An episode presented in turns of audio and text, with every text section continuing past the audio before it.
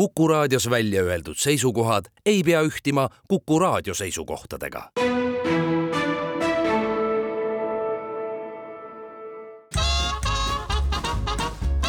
jäljed gloobusel tervist, kell on veidikene üksteist läbi saanud ja Jäljak gloobusel stuudiost tervitavad nagu tavaliselt teid Andres Karu ja Väino Laisaar. suur tere ka minu poolt. Tere tulemast tagasi Eestisse, Väints. Tere, Karu, tore on olla tagasi. Ja, ja olgu siin siis kohe hoiatuseks öeldud, et tänane saade võib kujuneda selliseks, et nina vilistab kelmikalt mikrofoni ja hääl võib sootuks saate lõpuks ära kaduda, sest eh, tõepoolest saabusin tagasi just Ameerika Ühendriikide väikeselt tripilt. hüppasime sealt üle piiri ka Mehhiko poole peale ja sattus olema sedasorti veider äh, trip, kui näiteks Californias oli kakskümmend seitse, kolmkümmend kraadi sooja mm, -hmm. siis näiteks äh, kui me jõudsime omadega äh, Lääne-Texasesse, El Paso nimelisse linna siis äh, seal oli öösel miinus ja me pidime oma reisiplaanid natuke ümber tegema, sest äh, päeval oli nii kole külm, et keegi ei tahtnud õues olla. ja, ja siis äh, kolistasime mööda kohalikke muuseumeid ja tegime aega parajaks, et järgmise päeva soojem ilm ära oodata, et siis nii-öelda jala El Paso vahel ja erinevates rahvusparkides ringi käia ja siis ka üle piiri sinna hüpata kunagisse maailma mõrvapealinna ehk siis Ciudad Juarezesse. aga kas siis, kas see oli mingi nagu nagu totaalne nagu anomaalia, et see ilm nii noh, siiski suht lühikeste vahemaade vahel nagu nii palju varieerus või, või oli see üsna tavapärane sealkandis? no ütleme sellisel kuupäeval, niisugusel sügaval sügisel. Eh, ma võib-olla ei olnudki varem sinna sattunud, noh, tegelikult seda eh, Mississippi sarja me tegime ka sügisesel ajal, eh, aga siis liikusime järjest põhja poole ja esimene lumi tuli meil vastu alles Chicagos. allotsas oli mm -hmm. kohutav troopiline kuumus, mis saatis meid sinna nii-öelda poole Ameerikani välja ja peale seda läks normaalseks. aga noh, informatsiooni tuli ka teistelt inimestest, teistest eestlastest, kes parasjagu seal kuskil Texase allosas, seal minu lemmikkohas Big Bendi rahvuspargis Äh, matkamas ja käimas olid, siis, siis nendel oli ka ikka niimoodi, et vahepeal oli ikka koletu külm ja, ja pidid samamoodi vaatama, et nad siis oma noh, riietust saaks vastavalt täiendada, sellepärast et kui sa oled ikkagi tulnud äh, riiki selle mõttega, et väljas on hea soe ja, ja tore on ringi jalutada ja kott on pigem täis lühikesi püksi ja T-särke. ja, ja siis ütleb ilmateade, et kuule, aga nüüd on kerge lumi, kerge miinus ja, ja päeval puhub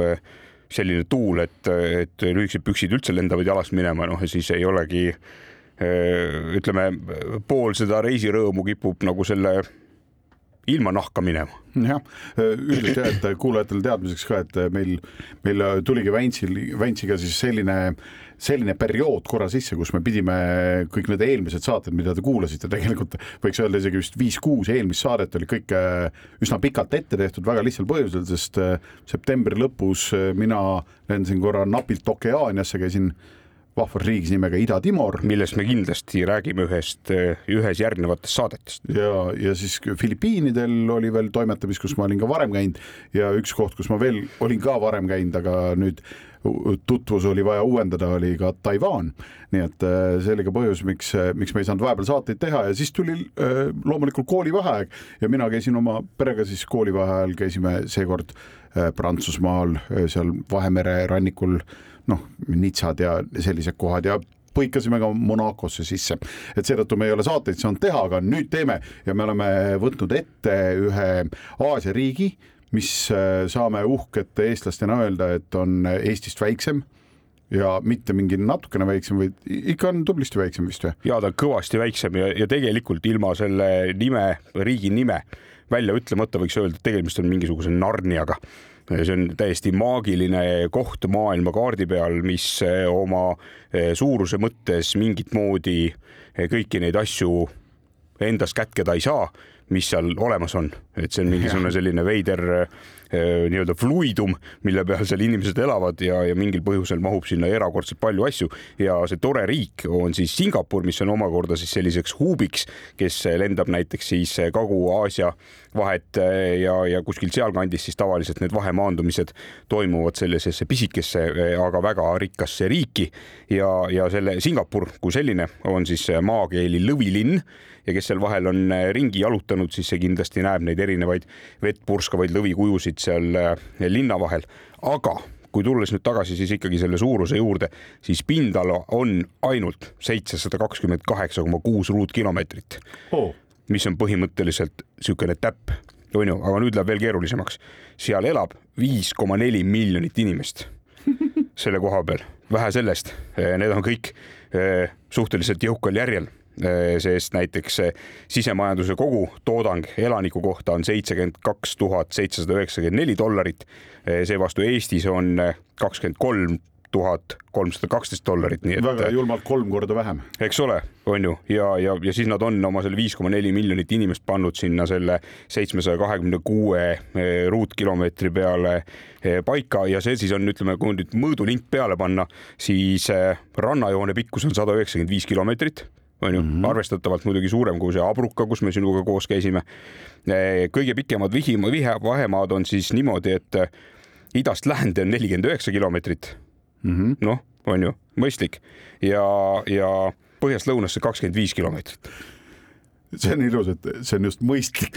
kui nelikümmend üheksa kilomeetrit on kuskilt kuhugi. aga ja, kusjuures ma pean siia vahele kohe ütlema, et Singapur jah, selle,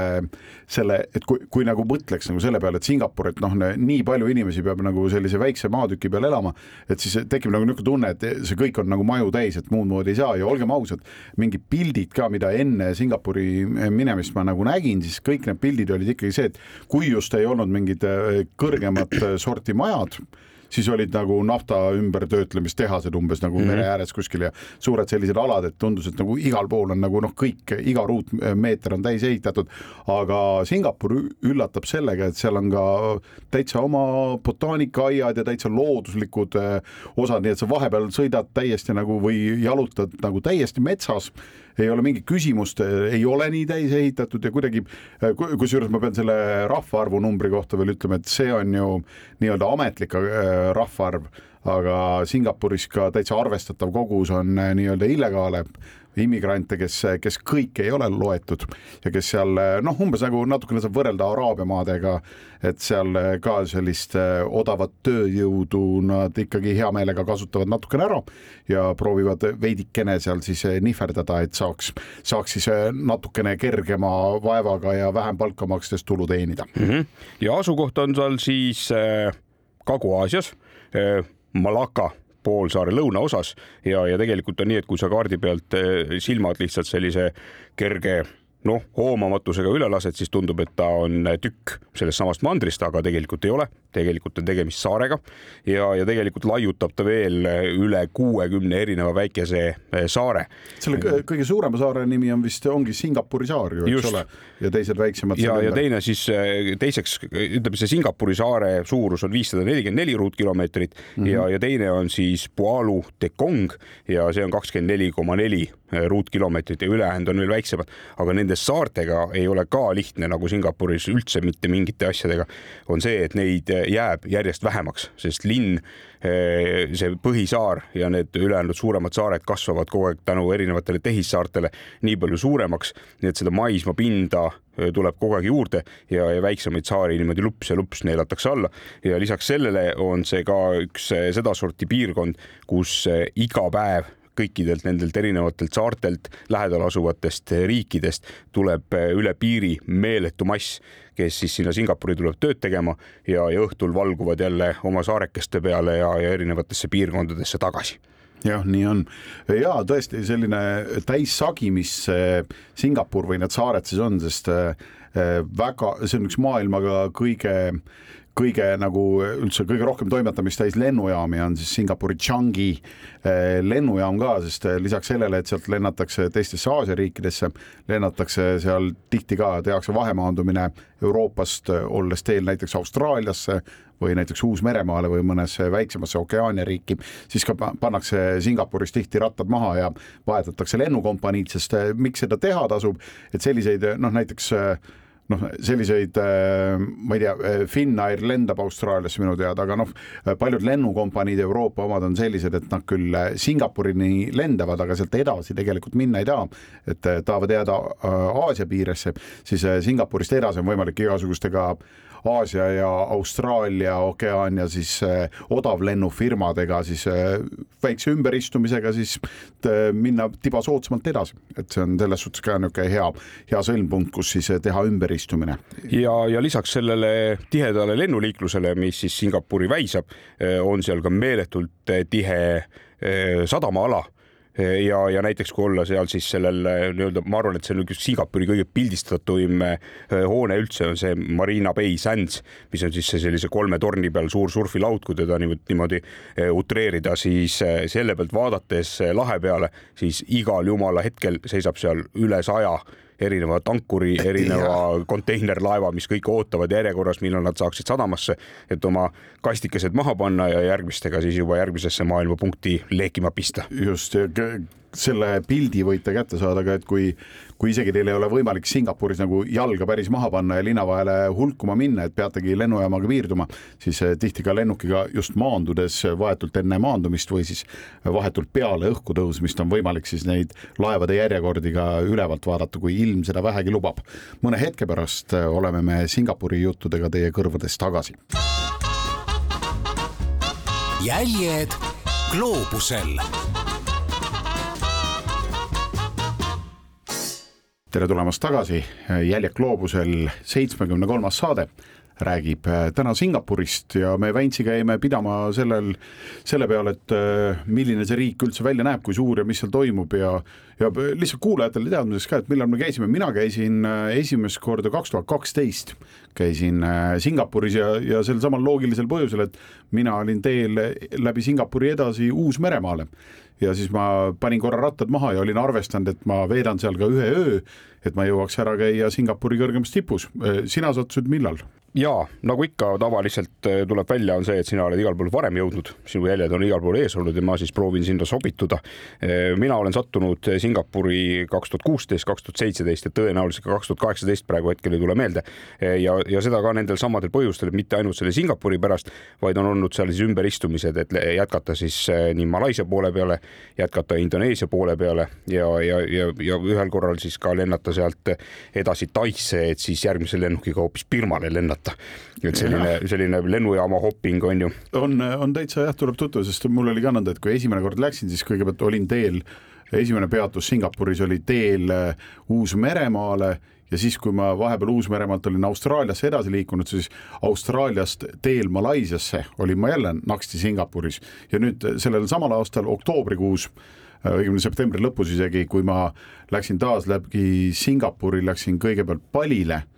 ja siis äh, kuidagi palilt tagasi tulles, siis jällegi läbi Singapuri ma läksin edasi Filipiinidele. nii et noh, täpselt nii, äh, selline, selline riik ta on ja see hästi palju on neid põhjuseid, et lihtsalt transiidiks kasutatakse seda väikest maalappi ja rõõmsalt sealt läbi minnakse, aga seal on ka üht koma teist, mida vaadata. ja õnneks ei ole need minu sinna hüppamised olnud sellised, et sa lihtsalt kõlgutad paar tundi lennujaamas jalgu ja, ja tuled siis järgmise lennukiga sealt jälle minema, vaid mul on õnnestunud veeta seal ka mitmeid öid ja, ja seetõttu on see riik, eh, vähemalt osa sellest, eh, mulle väga meeldima hakanud. no ütleme, kui me siin üldse nüüd Singapurist räägime, siis on see nii-öelda maailmakuulus ka mõnede selliste veidrate asjade pärast. üks on näiteks see, mida tõenäoliselt on ka paljud kuulnud, on see, et vähemalt siis, kui mina veel seal käisin, olid terves riigis keelatud nätsud Eh, ja, ja seda siis sellepärast, et eh, Singapur proovib hoida oma tänavad ja, ja kõik oma eh, majad, hooned, pargid võimalikult hästi korras ja hästi puhtana. ja, ja kui sa siis ikkagi nätsuga vahele jääd, siis tuleb pahandus kiirelt majja, tuleb asuda maksma trahvi. sama asi on siis ka graffitiga. pean ütlema, oma silmaga olen Singapuris küll erinevaid väikeseid graffiteid näinud, aga tõenäoliselt ka on ka need varem või hiljem ikkagi kuidagimoodi eh, sisse kasseeritavad, sest eh, nagu heas riigis, nagu ühes heas riigis kombeks, on ka seal igavene hulk eh, toredaid kaameraid, mis siis jälgivad, kuidas sa seal linnas ennast üleval pead. ja üks asi on veel tore see, et kui sa saadad korda mingisuguse koletu pahateo, siis võid ju arvata, et kõige suurem karistus on vangipanek või siis eluks ajaks vangipanek, siis sugugi mitte. kõige kardetum karistus on see, et sulle antakse mitte piitsa, aga sihuke kepihoope ja, ja kui sulle määratakse kümme kepihoopi, noh, mida tõenäoliselt, kui inimesed pannakse valiku ette, et kas võtta kümme kepihoopi Eh, mis on selline noh, ütleme lihtsamakoeline nüpeldamine, nagu me siin ette võime kujutada, või siis istuda mingi kümme aastat vangis, siis paraku enamus inimesi ikkagi valivad selle kümme aastat vangis istumine, et see kepiga nüpeldamine ei ole niisama selline väike kloppimine, vaid eh, tegemist on sellise välekäda vemblaga mis siis eh, lööb sulle iga kepilööviga naha puruks ja, ja kui sa oled kolm-neli lööki ära saanud, siis vahepeal hospitaliseeritakse sind, tõmbeldakse kokku, paraned haiglas ja, ja seejärel, kui sa oled ära paranenud, siis läheb edasi nüpeldamiseks. nii et, et see on kõige kardetum Päriselt. karistus selles riigis ja, ja seetõttu ka osad nii-öelda inimkaitse või see noh, aita nüüd välja, mis see sihuke hea sõna on, no äh, nagu äh, need organisatsioonid, kes nagu inimõigusi. just, just inimõigusi jah, õige sõna ei tulnud siin nüüd ragiseva kurgu tõttu meelde. aga nemad siis on need, kes siis näpuga vehivad sinna Singapuri poole, et see nüüd küll ei ole päris õige asi, kuidas oma riigis asju ajada. aga ega neid singapurlasi selles mõttes nagu väga ei huvita, sest nemad on ikkagi selle peal väljas, et riik oleks korras, riigis puuduks igasugune kuritegevus ja, ja kõik oleks puhas ja ilus ja, ja tore mistõttu, nii. see kõlab ikka täitsa uskumatult nagu see, et jah, tõepoolest nagu, et kahekümne esimene sajand ja, ja kuskil nagu antakse kepiga niimoodi peksa, et sind peab vahepeal hospitaliseerima. et see on, see kõlab täitsa uskumatu, ma ei olnud seda varem kuulnud. et see pidi olema igal juhul niivõrd koletu valu, kui, kui nahksu seljas selle eh, kepilöögist puruks rebeneb, et, et siis rohkem sa ei pea vastu. ja, ja kui sa oled siis juba kukkunud lödiks sinna vihtlemisruumi põrandale, siis sind hospitaliseeritakse, õmmeldakse kokku, lebad seal mõnda aega ja, ja kui jälle jälle nii-öelda üles boost ib ja pilt ette tuleb, siis saad järgmised litrid selga ja, ja, ja, ja rada jätkub senikaua, kuni su karistus on kantud. ja tõenäoliselt on seal ka neid, kes nagu pärast seda esimest kolme laksu siis ütlevad, kuule, aga äkki on mingi variant, et ma ikka lähen kümneks aastaks kinni. jah, jah, ma arvan, et seal ikkagi ei ole, ei ole väga seda, seda valiku võimalust, et sulle ikkagi määratakse see, millise koletu pahateo sa teinud oled ah,. ja üks asi, mis mul veel tuli meelde, minu meelest ei ole Singapuris lubatud eraisikutel kanda relva et tänaval on küll politseinikud ja sõjaväelased, kellel on relva kandmise õigus, aga kui sa ikkagi eraisikuna kuidagi suudad eh, tänavapilti sokutada ennast nii, et sul on siis peidetud eh, relv või siis vöö peal rippumas, siis on täpselt samamoodi jälle sinna toredasse kepi andmise tuppa ja, ja küll siis saad oma malaka sealt kätte üks selline müüt, nojah, no ütleme, et see on müüt, mis Singapuriga kaasas käib, on see, et see on meeletult kallis. kas sa selles suhtes kinnitad seda või lükkad ümber? Ta on meeletult kallis, oleneb muidugi, mida sa teha tahad. näiteks Singapuris äh, käisime ühes kohalikus baaris ja, ja proovisime sealt äh, osta siis väga kaunite kõladega kokteile, mis maksid minu meelest ikkagi mingisugust koletut raha ja, ja seda enam oli see vahe suur, et kui me sealt siis lendasime edasi Birmale, siis Birmas kõik need kokteilid sama nimega, mis nad seal kõik olid, maailmakuulsad kokteilid maksid umbes kaks eurot tükk aga, aga Singapuris olid nad pigem niisugune kahekümne, kolmekümne äh, euro juurde, nii et, et selles mõttes on ta, on ta kallis. Äh, aga kui me nüüd korra hüppame siis näiteks selle kõige suurema vaatamisväärsuse juurde, mis on siis see Marina Bay Sandsi hotell, mis noh, tõenäoliselt paljudele inimestele kangastub kohe silma ette, ta on siis nii-öelda, kui proovida nüüd pilti manada, siis ta on sellise kolme toika otsas hiigelsuur surfilaud on ju, mhm. noh, vot selline hotell on ja selle viiskümmend seitse korrust ja kogu kõrgus on tal siis kakssada seitse meetrit ja sellesse kolmetornisesse hotellis on üle kahe tuhande viiesaja numbritoa ja, ja kui me uurisime, et millise raha eest on seal võimalik ööbida, siis Äh, ütleme, kõige odavamad toad või sellised noh, nagu mõistliku hinnaga toad olid siis siukse kolmesaja dollari juurde ja, ja mida parema vaatega toad sul tulevad, kuni siis lõpus sinna sviitideni välja, no need lähevad muidugi täielikku kosmosesse. Äh, ja, ja sellesama hiigelsuure maja all on hiigelsuur kasiino, kus siis põhimõtteliselt on nii, et äh, nädala lõpuks valgub meeletu kogus Aasiast erinevaid inimesi sinna kasiino asju ajama ja, ja siis nad ööbivad seal, käivad, mängivad oma kasiino asju ja, ja siis järgmisel nii-öelda nädala alguses, kui on veel millegi eest koju lennata, siis lähevad ja lendavad koju. mul ei ole kahjuks meeles see, kui kiiresti see hotelli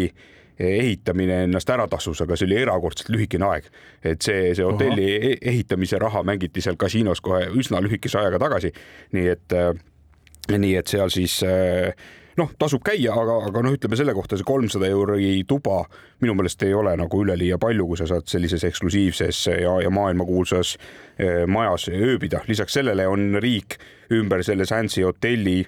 teinud eh, väga palju tasuta vaatamisväärsust, näiteks kaks korda päevas õhtusel ajal, eh, kui hakkab hämarduma, siis sellesama hotelli ees toimub siis riigi kulu ja kirjadega selline uhke purskkaevu pritsme saatel laserspektaakel lastakse vett õhku ja sinna peale siis eh, laseritega joonistatakse ja, ja projekteeritakse eh, erinevat noh, mingisugust liikumist ja, ja mingeid lugusid räägitakse, onju. ja kui see saab läbi, noh, täiesti tasuta oled selle ära vaadanud, uhke spektaakli, siis lidud läbi maja teisele poole ja, ja teisel pool on siis selline asi nagu Gardens by the Bay ja seal on ka hulk põnevaid asju vaatama, aga esimene asi, mida samuti, kui Singapur näiteks Google'isse sisse lüüa, kohe esimesena välja kargavad, on siis need supertriid. see on sellised metallist hiigelsuured puud ja seal on siis teatud kellaaegadel hakkab siis selline muusika ja valguse mäng ja, ja seal on tehtud sellised äh, lesilad, saad sinna puu alla ennast lesilasse pikali visata, kivisele lesilale ja, ja siis nautida seda suurepärast vaatemängu, mida, mida siis noh, riik sulle pakub selle eest, et sa oled eh, sellesse toredasse riiki kohale jõudnud mm. -hmm. ma lihtsalt vahepeal võrdluseks, et eh, panna see kuidagi nagu noh, e-, eestlastele arusaadavaks, et, eh, et kui, kui suur see hotell on, et, et ütleme siis jämedalt, et kui me võtame võrdluseks Viru hotelli, siis Viru hotelli võiks üksteise otsa panna kolm tükki ja tubades, kuna Viru hotelli toad on väiksemad, siis isegi see number ei ole noh, nii müstiliselt väike ja erinev on viissada kuusteist tuba mm -hmm. on Viru hotellis, aga seal on siis viis korda rohkem põhimõtteliselt, nii et noh, kujutate ise ette, et pange viis Viru hotelli üksteise kõrvale, et ja need kõik on tube täis, vot selline lihtsalt võrdluse mõttes. ja siis see suur surfilaud, mis seal katusel on, see ei ole ka lihtsalt niisama kolakas, vaid seal on aed, seal on meeletu see Infinity äh, äärega bassein, kus sa siis äh, ujud ja, ja justkui vesi langeb üle selle ääre ja mm, -hmm. ja siis tavapööbel saab seal ka jalutamas käia ja, ja visata siis siis linnale sellise linnupilgu. me oleme mõne hetke pärast tagasi. jäljed gloobusel. Nõnna, paus on jälle läbi, Karu ja Vänts on stuudios tagasi ja kui te nüüd liitusite just hetkel meiega, siis käimas on saade nimega Jäljed gloobusel. Ja seekord teeme oma jälgi sellisesse põnevasse riiki nagu Singapur ja eh, kui sina, Karu, oled sinna Singapuri sattunud ka mingitel eh, nii-öelda edasi lendavatel põhjustel, siis ma olen täiesti kindel, et sa oled käinud seal ka sellel põhjusel, et minna Singapuri kõige kõrgema mäe tippu just, kusjuures pean täpsustama, et äh, Singapuri lihtsalt kõige kõrgemasse punkti, sellepärast et see, seda ei saa mäeks nimetada, mägi algab kahesajast meetrist. ahah, jääb siis selline küngastikku. jah, küngas sada kuuskümmend neli meetrit kõrge, Pukit Timah on tema nimi ja noh, kui päris täpne olla, siis sada kuuskümmend kolm koma kuuskümmend kolm on see, noh, seal on iga sentimeeter. absoluutselt nagu Eesti rahvaarv no just ja, ja loomulikult oli see mul plaanis, et kui, kuigi ma selle reisi, mis mul kaks tuhat kaksteist aastal äh, nagu põhieesmärk oli minna äh, Uus-Meremaale ja Uus-Meremaa kõrgema tipu otsa, mis ebaõnnestus täiesti erinevatel põhjustel, siis äh, teel sinna ma olingi arvestanud sisse, et ma ühe öö olen siis äh, Singapuris ja käin ühtlasi ka tipus ära. Ja kui ma selle tipu nime Pukit Timah panin otsingusse, siis äh, viskas mulle hästi palju ette ka mingit informatsiooni nagu selle kohta, et Bukit Timah on äh, ühtlasi ka selle riigi üks kõige vanemaid maanteid, mis nagu ütleme siis noh, jämedalt enam-vähem nagu põhja-lõuna suunal siis niisugune kahekümne viie kilomeetri pikkuselt saad seda sõita ja see oli kunagi ka üldse selle, selle riigi nagu avastamise juures ja niisuguse põhiteljena nagu oli üks väga-väga oluline, oluline infra, infraehitis ja on siiamaani ja, ja see, kui ma enne mainisin, et et Singapuris on tõesti ka üllatavalt palju nagu loodust näha, siis vot äh, Timahi mäetipp on üks selline kõige looduslikum paik üldse seal ja ühtlasi see maantee muidugi läheb mööda ka äh, botaanikaaedadest ja nii edasi. aga äh, kui ma siis guugeldasin, siis ma sain teada muuhulgas nagu sellise fakti, et et üks Põhja-Ameerika bioloog oli kunagi mingis intervjuus ütles välja sellise võrdluse, et et te mõtlete küll, et Singapur on ju, et maja maja otsas ja pilvelõhkuja pilvelõhkuja otsas, aga näiteks Bukit Timahi mäe peal olevas rahvuspargis ühel ruutkilomeetril on koos rohkem erinevaid taimeliike kui terves Põhja-Ameerikas ja siis mingid kolleegid kommenteerisid, et, et see põhimõtteliselt see peaaegu et ei olegi liialdus, et seal tõepoolest on hästi liigirikas nagu mets. ja kui ma sinna lähemale liikusin, kusjuures lähemale liikumine, no kui üldse sellest transpordist rääkida, et maandud seal Changi lennujaamas, juba Changi lennujaam, noh, ta on tohutu seal, noh, ma nüüd kaks tuhat kakskümmend kolm alles käisin ka sealt korra läbi, siis kuna meil äh, üks lend, lend viibis, me äh, Palilt läbi Singapuri tahtsime lennata Filipiinidele, aga kuna üks rehv oli lennukil äh, Palil olles, oli läinud tühjaks, siis tuli ratas ära vahetada ja see võttis täpselt nii palju aega, et me oma jätkulennule, mis Singapurist edasi viis Filipiinidele ei jõudnud. Ja siis meile anti loomulikult äh, tuba mulle ja mu sõbrale Aare hommikule, kellega koos reisisime, tuba äh, siis äh, maailma parimaks lennujaama hotelliks hääletatud siis Crown Plazas mis on kohe lennujaama kõrval ja, ja meil jumala raske oli sinna Crown Plazasse üldse saada kohale, sellepärast et et ühel hetkel see, see lennujaam on nii tohutu, et ja ta on nagu niisuguseks ostukeskuseks ja nagu Äh, kujuneb ühel hetkel ümber, et sa ei saa välja sealt lihtsalt, sa ei leia ühtegi väljapääsu, kõik on nagu sissepääsud põhimõtteliselt, niisugune tunne jääb ühel hetkel, et jube hea on sisse saada, välja natukene keerulisem ja noh, eks seal nad on õnnelikud ka, kui mida kauem inimesed selle oma raha kulutavad. mulle meenub äh, selle sinu looga äh, minu esimene grupijuhi reis, kui läksime reisigrupiga Pekingisse. lennuk maandus ja siis oli vaja selle grupiga saada sealt lennuki suudmest välja tsivilisatsiooni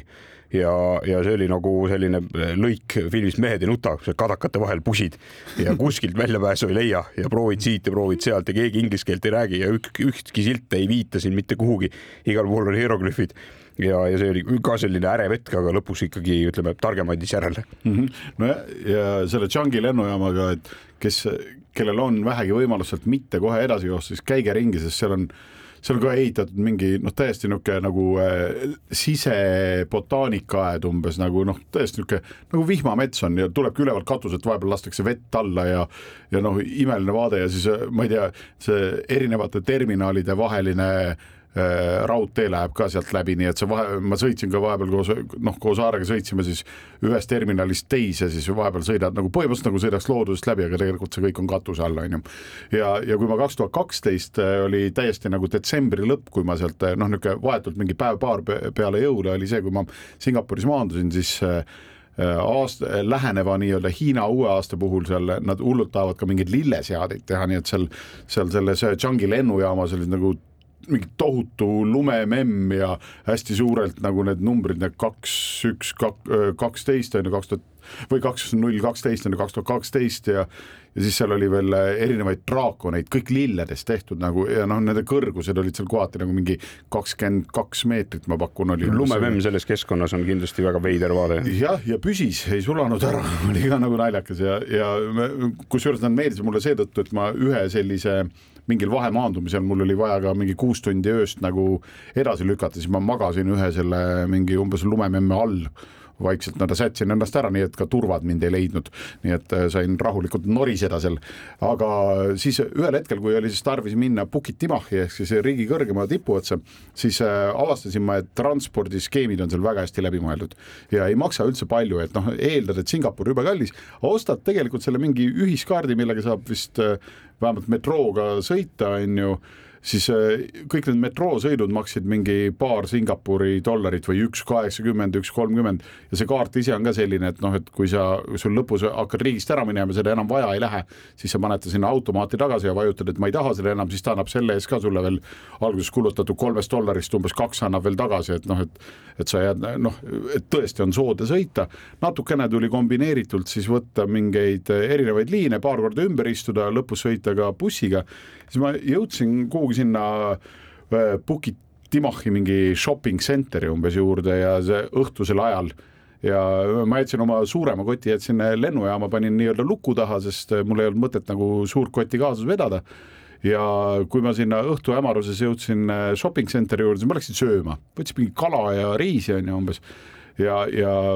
enne sellesse toidu kohta sisenemist üks kohalik mees nagu bussipeatuses mulle ütles, et ahah, et praegu on pime ja sa tuled siia, et siinkandis on päris palju nagu äh, illegaale. et ole väga ettevaatlik, et äh, üsna ohtlik kant, et Singapuri kõige ohtlikum kant. siis ma mõtlesin, ohoh, et nagu pole kuulnud niisugust asja. Läksin sisse sinna kohvikusse, sain oma kala ja riisi ja siis ettekandja ka ikka küsis, noh, et mis plaan on ja siis ma ütlesin, et noh, et siin Pukit Timah kõrval ja praegu on mäe peale ei pääse, et värav on kinni nii-öelda hommikul mingi pool kuus vist ta tehti lahti ta ütles ja, ja et siin, aga sa võid siin ükskõik kus kohas nagu käia öösel ringi, jumala turvaline käinud, nii et noh, kaks täiesti äärmuslikku nagu seletust. tundus, et teine oli õigem, et ta oli tõesti noh, et võib-olla see, et lihtsalt sa näed liikumas mingeid inimesi, kelle kohta sa tead, et ahah, ta pole päris nagu meie nägu, on ju. et siis see tundub lihtsalt osadele inimestele ohtlik. aga minu lahend oli siis see, et see Pukit Timahi mäe ümbrus on selline, seal on niisugused korterelamuid ja, aga on ka rohealasid. Äh, jalutasin seal mingil vanal raudteetammil, vaatasin, noh, oligi erinevaid majasid, kus äh, noh, igal pool on turvamehed, kõik ongi, tundub nagu väga-väga turvaline ja otsisin kohta siis, kuhu äh, kuhu oma magamiskott nii-öelda maha laotada, sest ma kindel plaan oli, et ma magan lageda taeval, telki ei võtnud kaasa, isegi madratsit ei võtnud, et võtsin ainult magamiskoti. siis lõpuks leidsin ühe maja juures siis sellise äh, suure juraka niisuguse puu all leidsin niisuguse lihtsalt rohelise platsi,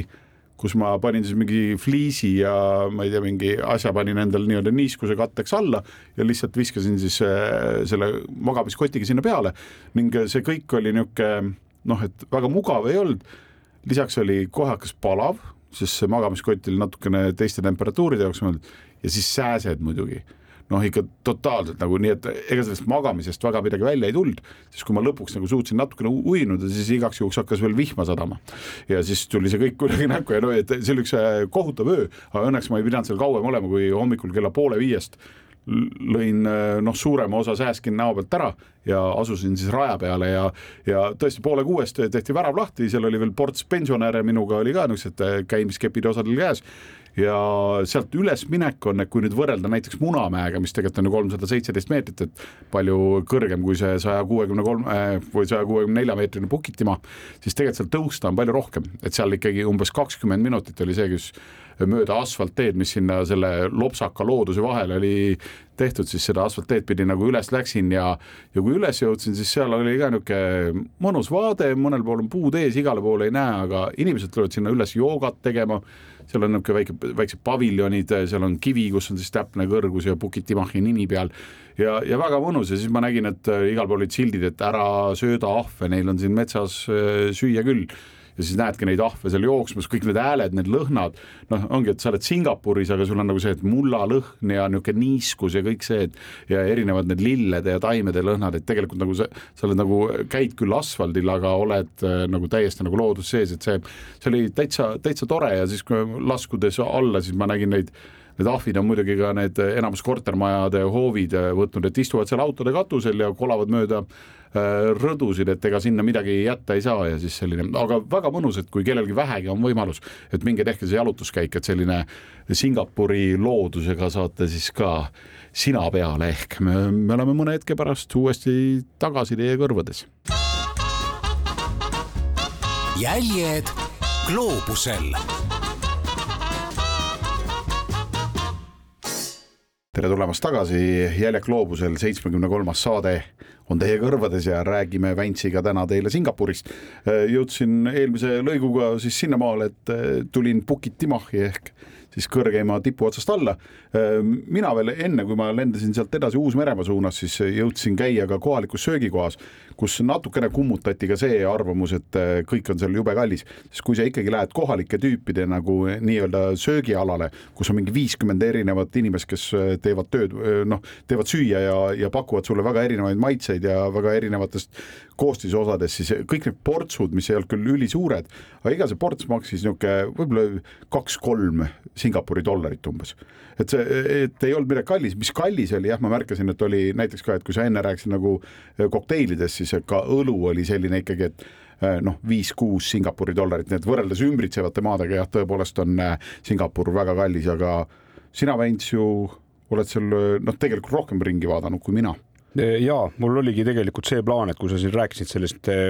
looduse mitmekülgsusest, siis mulle jälle tuli see Narnia paralleel pähe ja igaks juhuks kordame üle, et kõigil tekib nagu samasugune tunne, siis see riik, millest me praegu räägime, on siis seitsmesaja kahekümne kaheksa koma kuue ruutkilomeetri suurune ja vähe sellest, seal elab viis koma neli miljonit inimest, tegelikult natukene rohkem, sest noh, neid käib sealt üle ääre ja ja, ja paljud on seal nii-öelda lugematus eh, nimekirjas ka, aga on ju,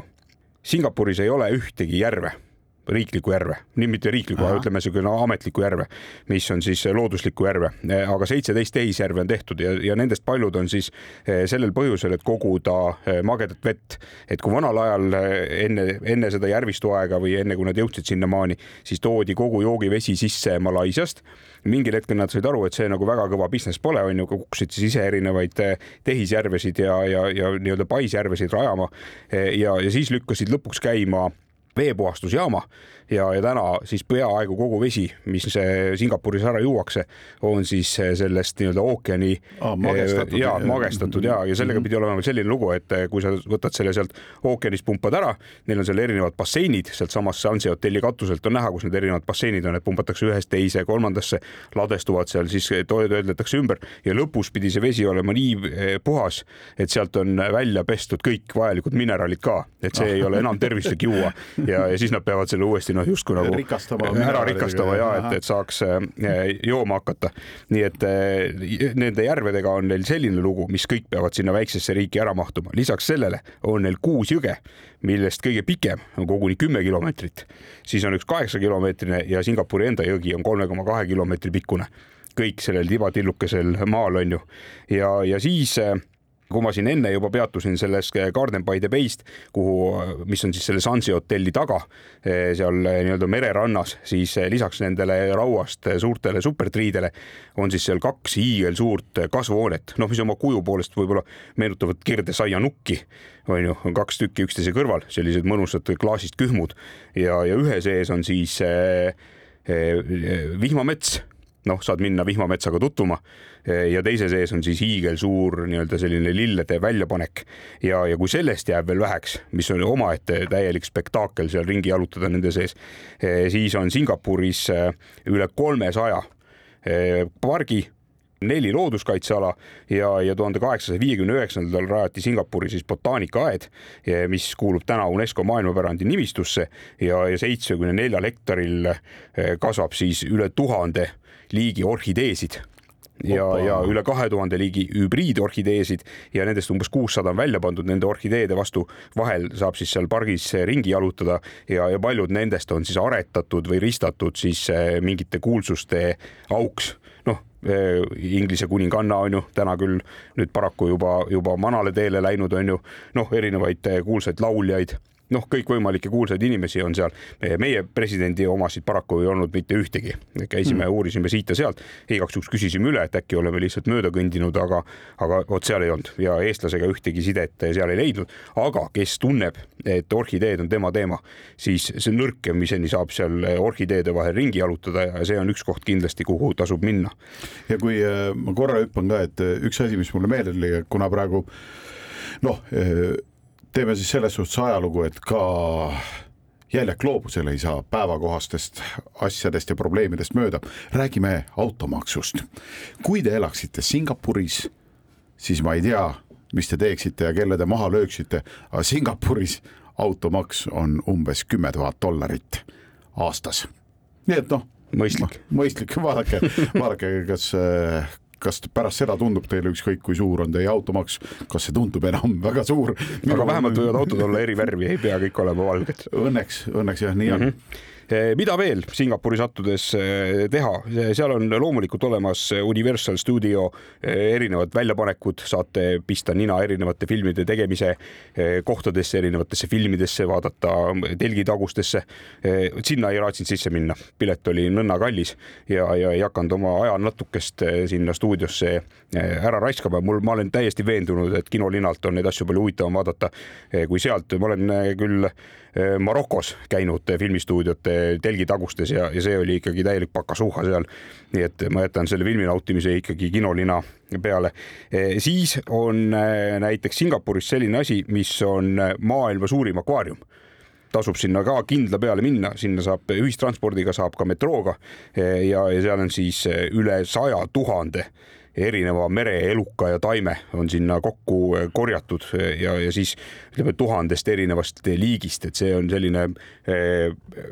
basseinide või tähendab akvaariumite sihuke kogum, kus ühest akvaariumist teise lähevad sellised tunnelid ja siis sa käid sealt kalade alt läbi ja igasugused suured ägevad eh, kalad ujuvad sinust üle ja, ja erinevad taimed eh, kasvavad seal. ja mm -hmm. siis loomulikult ei saa üle ega ümber Eh, Singapuris on hiiglama tore Hiina linn. Ja Hiina linnaga on niisugune lugu. Mina ei tea, mis mind sinna Hiina linnadesse tõmbab. Ja, ja erinevatesse riikidesse, kus ma ikkagi satun ja kuna mulle tee peale jäävad, siis ma olen proovinud nendesse Hiina linnadesse minna, sest see on alati täiesti teistsugune eh, keskkond kui eh, see riik ise. Nüüd on muidugi väikse erand, erand, erandiga see, et ma olen üks kolm korda käinud Kuubal ja Havana Hiina linna väravast kõndinud kolm korda mööda aga sinna sisse pole saanud, nii et ühe korra ma pean sinna Kuubale veel tagasi minema, et see Hiina linn ka ära vaadata ja, ja see eh, Singapuri Hiina linn, nii nagu ülejäänud linn, on meeletult puhas meeletult hästi korda tehtud, sellised hästi kihvtid tänavad, noh, loomulikult vokkab, lokkab kaubandust, ripuvad täpselt samamoodi söögikohtades need sellised valged ja kollased pika kaelaga pardid, kes on -hmm. nii-öelda selle niisuguse lambi all on ju, et nad oleks kogu aeg soe. kuidas nad seda söövad, ei tea Eh, aga noh, neid ripub igal pool, et seda alati kannatab selliste Hiina linnadega eh, ja, ja ütleme, Aasia-poolse eluga seostada. Eh, ja, ja see on imeilus rännak lihtsalt no visuaalselt hästi äge ja inimesed elavad seal oma tavapärast elu, käivad söömas, toimetavad oma asju ja siis selle Chinatowni keskväljakul on siis kohalikud vanad inimesed loonud endale sellise mängupõrgu et mängupõrgud, välja arvatud siis need ametlikud hotellid on keelatud, raha peale mängida ei tohi. aga kohalik pensionisüsteem pidi olema selline, et ma võin siin nüüd mingite aastatega eksida, et kas see oli seitsekümmend või seitsekümmend viis kuskile sinnakanti, et kui sa oled sellise vanuseni välja elanud, siis lõpetatakse, lõpetatakse sulle pensioni maksmine ja ette on nähtud ära surra onju. aga kui sa ei sure ära, noh, siis sa pead ikkagi omale leidma mingisugust tegevust ja, ja ikkagi mingisugust eh, raha keerutama, onju. ja siis on sellised üliägedad vanad eh, mehed ja naised istuvad seal ja mängivad musttuhant neid mingeid erinevaid eh, nupumänge, mis neil noh, Aasia, Aasia rahvad, rahvastel on, onju. kõigile tõenäoliselt pole nimegi. ja, ja kui sa seal natuke aega passid, siis sa hakkad nägema, mismoodi see süsteem käib, et vanad mehed mängivad, onju, vahepeal keegi jälle võidab siis kuhugi pannakse kirja, tõenäoliselt siis õhtul mingisuguse järgmise maja taga toimub siis see arveldamine, sest mm -hmm. avalikult raha peale mängida ei tohi. ja, ja mis selle koha teeb eriti ägedaks, on see, et, et kui teile meeldivad inimesed eh, noh, üleüldse inimesed meeldivad, inimesed väga toredad, siis minu meelest ütleme nii pildistamise mõttes ja vaatamise mõttes need eh, vanad asiaadid lähevad nagu erakordselt ägedaks et võib-olla siin meie Põhjamaal on ju, kui on inimene väga vanaks läinud, siis ta on nagu kerge siuke. Nagu vanaks läinud. no vanaks läinud jah, siuke kerge rosin on ju, et aga, aga seal nad kuidagi muutuvad selliseks nagu eriti silmapaistvaks onju, sellised sügavad vaod on näos ja, ja aga nad on kõik sellised kõbusad onju toredad oma, teevad oma tai chi'd seal tänaval kuskil onju, näpud püsti, väänavad seal mingeid harjutusi, mida, mida tavaline inimene ei suudagi kunagi järgi teha. Ja, ja, ja vot ja, ja toimetavad oma. tõesti, see, see on väga äge. Ja ma, mul kõik need pildid jooksevad praegu mm. -hmm. ma olen ise proovinud seda tai chi'd teha, noh, ja, ja selleks, kui sa lõpus selle õige asendi kätte saad, nii nagu sa seda pead tegema siis ikkagi põhimõtteliselt terve keha on nii pinges, et, et noh, kui sa nagu päevast otsa, päev otsa või ütleme hommikul kasvõi natuke aega seda tai chi asja teed, noh siis polegi varianti, sa peadki elama saja kuuekümne aastaseks, et sul lihtsalt keha ei anna, anna enne, enne alla. minul tuli meelde, et aga enne kui need inimesed nii-öelda vanaks lähevad, siis nad, kui Singapuri ringi vaadata, siis Singapuris on väga lihtne suhelda, sellepärast et praktiliselt kõik räägivad inglise keeles ka, see on üks riigikeeltes ka ja, ja see noored inimesed, mis mul täna tänavapildis nagu silma hakkas, on see, et äh, sellistele arenenud Aasia riikidele kohaselt on nad hästi moekad. Äh, muidugi mingid moejooned on seal täiesti kummalised ja meie silmale võib-olla natukene sobimatud, aga, aga igatahes näevad nad äh, noored inimesed seal tänaval väga ägedad välja ja vanad inimesed on lihtsalt nagu see, et nad ei pane endale kuute, on ju, süsti huultesse, on ju, et, et näha vähem kortsuline välja, nad just nimelt, nad vananevad väärikalt, on ägedad ja neid on kihvt vaadata. ja, ja ükskõik kuhu te lähete, igal juhul kasvõi sinna Chinatowni on, võtke aeg maha, mida kauem te seal olete, seda rohkem erinevaid nüansse hakkab välja kumama. väike riik, Singapur ja tegelikult on seal tohutult palju, nii et äh, soovitame, kui saate, minge ka Changi lennujaamast välja. see oli seitsmekümne kolmas Jäljak gloobusel saade, Andres Karu ja Väino Laisaar ütlevad teile taas kord aitäh ja kohtumiseni järgmisel nädalal. tore, et olite meiega, püsige avarad. jäljed gloobusel